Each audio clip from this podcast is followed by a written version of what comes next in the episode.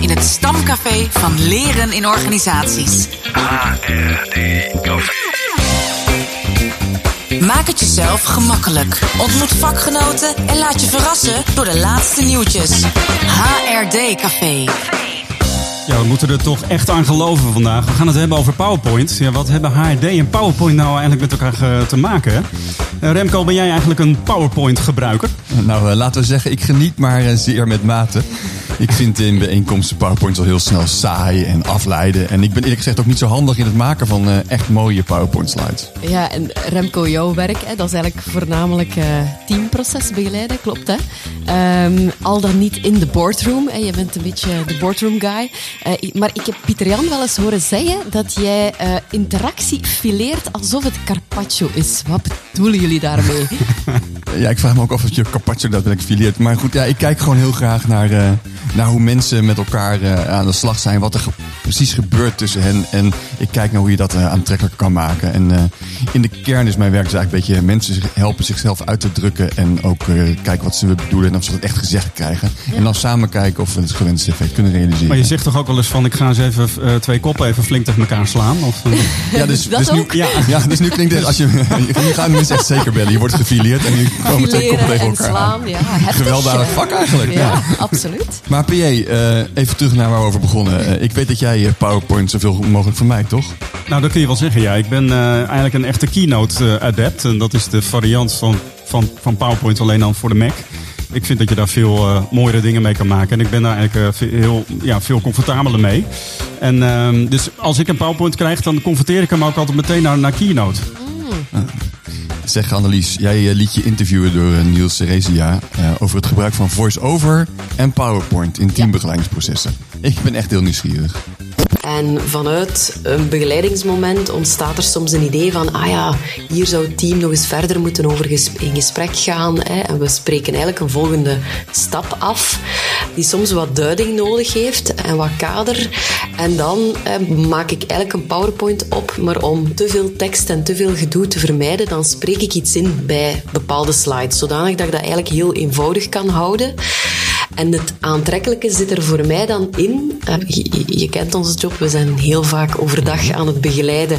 Mensen zitten ook in meetings om dan een momentje te vinden om te bellen. Vaak lukt dat wel, maar soms is het ook heel handig om dat even s'avonds te kunnen maken asynchroon eigenlijk in te spreken van oké, hoe zie ik dat? Wat is nu van belang om die stap te nemen? Hoe zou jij het ook kunnen begeleiden? Soms is dat de leidinggevende of eh, iemand van het team.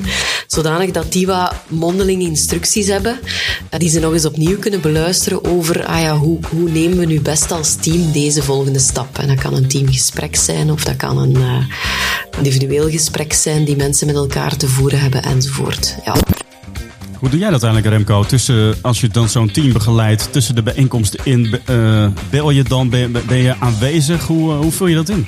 Nou, ik vind het dus eigenlijk best, eh, best wel moeilijk. En ik vind het ook al heel snel betuttelend dat je er dan achteraan gaat bellen of zo. Dus ik zoek nog steeds naar manieren om, dat, om ja, toch comfort te bieden voor mensen. En ook reminders te realiseren. Dus ja, vind het eigenlijk wel een superleuk idee, eh, Annelies. En, eh, en ook wel makkelijk uit te voeren, lijkt mij. Ja, absoluut. Het is heel makkelijk. Het is bij mij ontstaan in eh, coronatijd. Ehm, en het, het was gewoon een handige manier. En nadien ben ik het ook blijven gebruiken. Ook omdat de teams reageerden er heel goed op.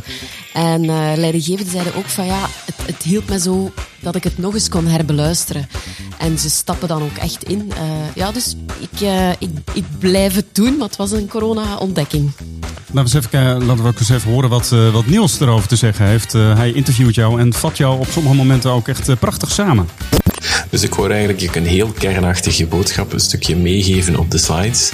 Maar de uitleg die wordt aangenaam eigenlijk een audio. Ja, die, wordt, die is iets fijner. Ja, ja absoluut. Eh, Ja, waardoor dat het mensen ook al rapper aanspreekt, want het voelt iets persoonlijker Ja, en- aan. En het wordt niet zo een heel theoretisch of een puur informatief stuk. Dat gewoon nog En ik moet minder schrijven ook, dat is ook handig. Eh, Ja. ja. Ja, wat ik hier dus hoor is dat je eigenlijk het nuttige met het aangename combineert, eh Annelies. Je, aan de ene kant eh, geef je persoonlijke uitleg, eh, die heel makkelijk te maken is.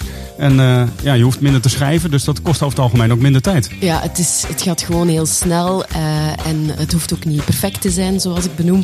Eh, en tegelijk, ja, het, het, het is zo simpel. Ehm, en ja, ik vond het ook wel een beetje grappig dat Niels me er wou over interviewen. Ik dacht van, wat is hier nu aan? Maar dan blijkbaar zijn er toch heel veel mensen die niet wisten uh, dat je dat kan en hoe dat, dat dan werkt. En op zich, ja, daar zit de kracht ook wel in voor mij. Ja, dus ik, ik associeer het ook bijna niet meer met PowerPoint wat je doet. Want dat, ik vind juist de essentie dat je dat je spreekt. En dat lijkt me dus heerlijk. Niet hoeven schrijven en toch boodschappen meegeven. En ook juist een beetje up close en personal. Dat ze jouw stem uh, ook horen. Ja. Um, ik werkte, moet ik eerlijk bekennen, voor, nog wel eens vooraf met soort podcast. Dat ik dan, voordat ik een bijeenkomst had, dan interviewde ik vast mensen. En dan op de weg erheen konden mensen dan vast naar hun collega of naar een, uh, een bestuurder luisteren. Ah, ja. Ja, dus ook met jou, hè, mensen, niet alleen jouw stem, maar ook hè, mensen van het team zelf, die, uh, die eigenlijk al boodschappen in gang zetten. Dat is ook een leuke manier. Ja, alleen ja. dan, dan is het dus, dus vooral dat ik anderen aan het woord laat. En jouw truc spreekt me enorm aan, dat je even je stem laat horen. Hé, hey, we waren van de week bij elkaar en uh, dit heb ik onthouden en uh, ja. succes daarmee. Hey Annelies, er zit voor jou ook echt wel een soort van principiële gedachte achter het gebruik van deze tool. En eigenlijk daar ook hen niet afhankelijk te maken van jou als begeleider en hen eigenlijk ook te ondersteunen in een autonomie van jullie kunnen ook echt zelf stappen nemen.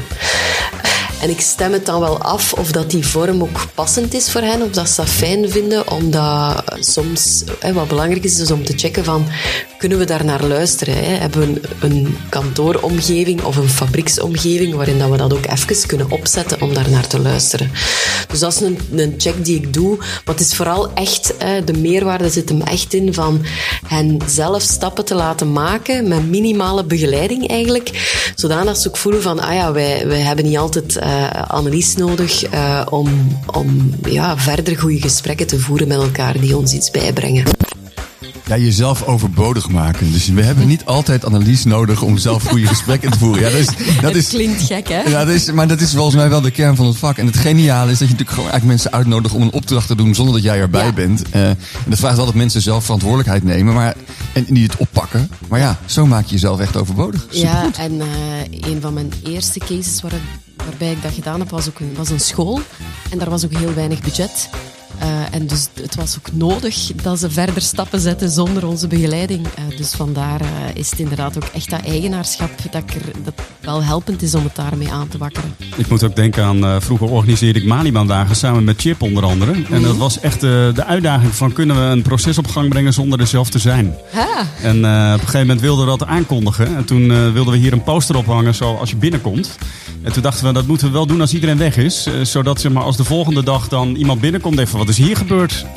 Maar uh, dat was toen toevallig net een moment dat een paar van onze collega's een offerte moesten afmaken. En die bleven hier tot tien uur zitten. Dus uh, wij, uh, en, en, wij wilden natuurlijk die poster ophangen. Ja. Dus zij hadden zoiets van, nou, wat, wat doen jullie hier? Waar blijven jullie lang? Wij, nou, wij zeiden van, ja, moeten we ook iets afmaken. En op een gegeven moment naar huis bellen, het wordt toch later. Maar als je zo creatief gaat denken, dan neemt dat ook hele leuke ja, momenten met zich mee. En dan was je werkelijk niet aanwezig de volgende dag. Nee, klopt. Dus toen hadden we zeg maar iets, iets opgehangen en zeiden van, er staat boven in de huiskamer staat een televisie. En als je daar op enter, of op de, als je die aanzet, dan volgt de instructie. En zo wilden we echt experimenteren met hoe kunnen we een proces op gang brengen zonder er zelf te zijn. Ja, en wat deden jullie dan die dag? Nou, wij zijn lagen lekker op strand of zo. Ja. maar goed, het werk zat daarvoor. En de prijs die jij nu noemt, is lijkt me al veel te hoog tot, tot, tot na tienen blijven. Maar het inspireert me ook wel om te denken, dus die combinatie met PowerPoint, ik zit daar in mijn hoofd nog even naar te zoeken. Dus ik, ik had bijvoorbeeld gisteren had ik een coachgesprek. En soms ja, eindig je dan, ja, dit was echt mooi. Maar dan vaak ook aan zo'n coachie kun je het vasthouden. En die zei dan, ja, vind ik eigenlijk moeilijk. Wil je het nog één keer samenvatten? En dan blijf ik ernaast zitten. Terwijl zij schreef. Maar nu ik jou hoor, denk ik, ja, ik, volgende keer laat ik de niveaus van Diels en, uh, en Beetsen zien op een PowerPoint slide. En dan spreek ik gewoon Ah, samenvattend ja. in. Ja. Uh, dankjewel voor dit gesprek. En het kan misschien wel live. Dan is ze erbij terwijl ik samenvat. Heeft ze meteen een reminder mee. Ja. Wil je het hele gesprek terugluisteren tussen Niels Ceresia en Annelies Wiebo? Beluister dan de eerste aflevering. Uh, die is overigens nog geen 10 minuten. Dus is echt de moeite waard. Van, uh, Niels, uh, van de Niels Ceresia podcast op Spotify. En um, een leuk nieuwtje is ook dat Niels begeleider is van de opleiding Ontwerpen en Faciliteren van Online en Blended Leren. En deze zal starten op 17 april 2023. En daar kun je ook nog voor aanmelden. Meer informatie daarover vind je in de show notes. HRD Café Trending Trending topics. Trending Topics Wat zijn de laatste nieuwtjes? Ja, Frederik Anseel die schrijft over de tien grootste talentenvraagstukken die in het volgende decennium zouden moeten worden opgelost. Uh, ze zijn op zich heel herkenbaar. Het gaat uh, over thema's zoals het belang van levenslang leren en langer werken, hoe je omgaat met diversiteit op de werkplek, uh, ook de hybride werkervaring vermenselijken door prioriteit te geven aan gezondheid en verbinding. Um, het, in het herkenbare handig voor HRD'ers. Je kan het denk ik inzetten als een soort checklist om strategische gesprekken te kunnen voeren. En de link zetten we in de show notes. En rapapa, rapapa, de longlist van managementboek.nl voor het managementboek van het jaar is samengesteld. En maar liefst 48 titels gaan de komende tijd strijden om verkozen te worden tot het managementboek van 2023.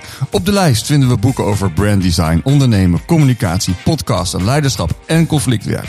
Ook aansprekende titels uit ons vakgebied zijn er. Zoals Krankzinnig kantoorkompas van Mark de Koning en Marcel de Jong. Spelen werkt van Karin Sikkema en Michiel van Eunen. Wat gebeurt hier nu eigenlijk van Bas van Kesteren? En ja, ik zeg het ook met bewondering. Verhalen veranderen van Saskia Tjepkema, Juri Kabalt, Martijn van Ooyen. En op managementboek.nl waren Koen Weber, Luc Verheijen en Lieve Schepers van de kaft gevallen.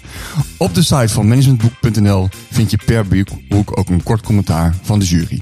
Ja, dat was vreemd. Want ik zag maar drie auteurs uh, bij, uh, op die lijst. Terwijl toch west van, ja, daar hebben meer collega's aan meegewerkt. Maar ja, nu, nu zijn ze allemaal weer eh, benoemd. Helemaal recht goed, gedaan. Ja, recht, gedaan, helemaal goed. Ja.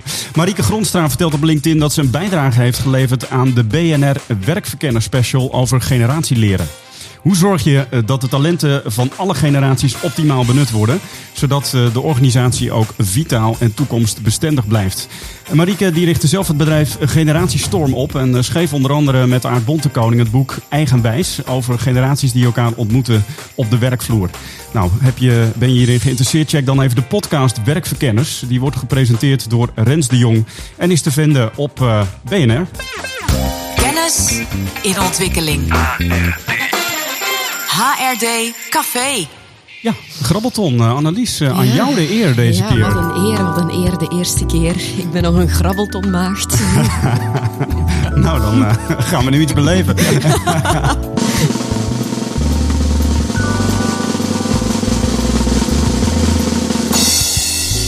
en welk nummer komt eruit? Nummer 4. Nummer 4, nou... En uh, welke quote vinden we bij nummer 4? Je hebt zelfs uh, boeken bij je, zie ik. Dus het wordt hier ja, helemaal ja, ja, live gedaan, Remco. Helemaal live. We maken echt iets mee. nummer 4. Het is iets bijzonders, maar um, ik lees hem even voor. One cannot teach a man anything. One can only enable him to learn from within himself.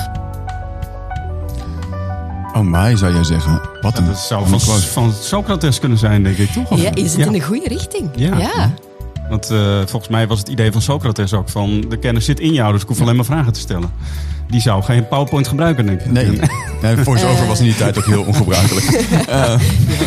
Stenen en krassen of zo, of hoe was dat toen? Ja, maar het, het, moet, het moet iets filosofisch zijn, maar dan iets... misschien iets, iets ja? Ja? modern filosofisch. Ik zou het echt niet Ik had het zelf ook niet kunnen bedenken. Iets met de Socrates on sneakers? Ja. Of, uh, nou, het, is, um, het, is, het, is, de, het is een quote, de, de quote staat in een boek, maar ik vond hem toch heel mooi om eruit te halen. Het is Galileo Galilei. Ah, nou, is ja. wel een eentje weg van Socrates. Ja, ja. maar, maar ook niet per se een moderne filosoof. zit een beetje. Nu, um, de link was gewoon, het zit wat verder in het verleden. Oh, hè? Daar, manier, ja. ja. Nee. Maar we uh, stappen dat jij boeken leest over Galileo. Net, ja, heel goed. Maar het boek zelf is niet van uh, die persoon. Uh, het is van um, David Rock. Kennen jullie David Rock? En het nee. gaat over uh, quiet leadership. Okay. Uh, ik heb David Rock ooit gezien op ATD-conference mm. in Amerika. En het is eigenlijk een neuroscientist, um, psycholoog. En hij schrijft over ja, hoe dat je leiderschap kan inzetten, maar vooral vanuit de principes vanuit het brein. En wat dat dan betekent. En ja, dat is, die quote vond ik wel ook een hele mooie om daar eens uit te halen voor ons. Dat is een quote van Galileo in een boek van Ja. David Rock. En die hoorde jij dan weer op de ATD. Ja, dat kan heel echt super zijn. Ik was 100 jaar geleden ook, dat heette nog de ESTD. Maar soms Ja, heb je ESTD. zo'n, Het was zo'n echt zo'n, ESTD-tijd, dan, dan ja. hoor je iemand praten en dat kan dan echt even zo raken. Hoe kan iemand dit bedenken? Dus, eh, Ja. En jij hebt het boek gekocht. Supergoed. Ja, ik heb het boek eh, gekregen eh, ooit. En eh, het is wel al wat oud hoor. Ehm, maar het, het, het mooie is wel dat het nog altijd heel relevant is. En wat ik die quote vooral haal van soms moeten de dingen gewoon durven loslaten, niet te hard vastnemen. En eh, dan gebeurt het wel, of niet.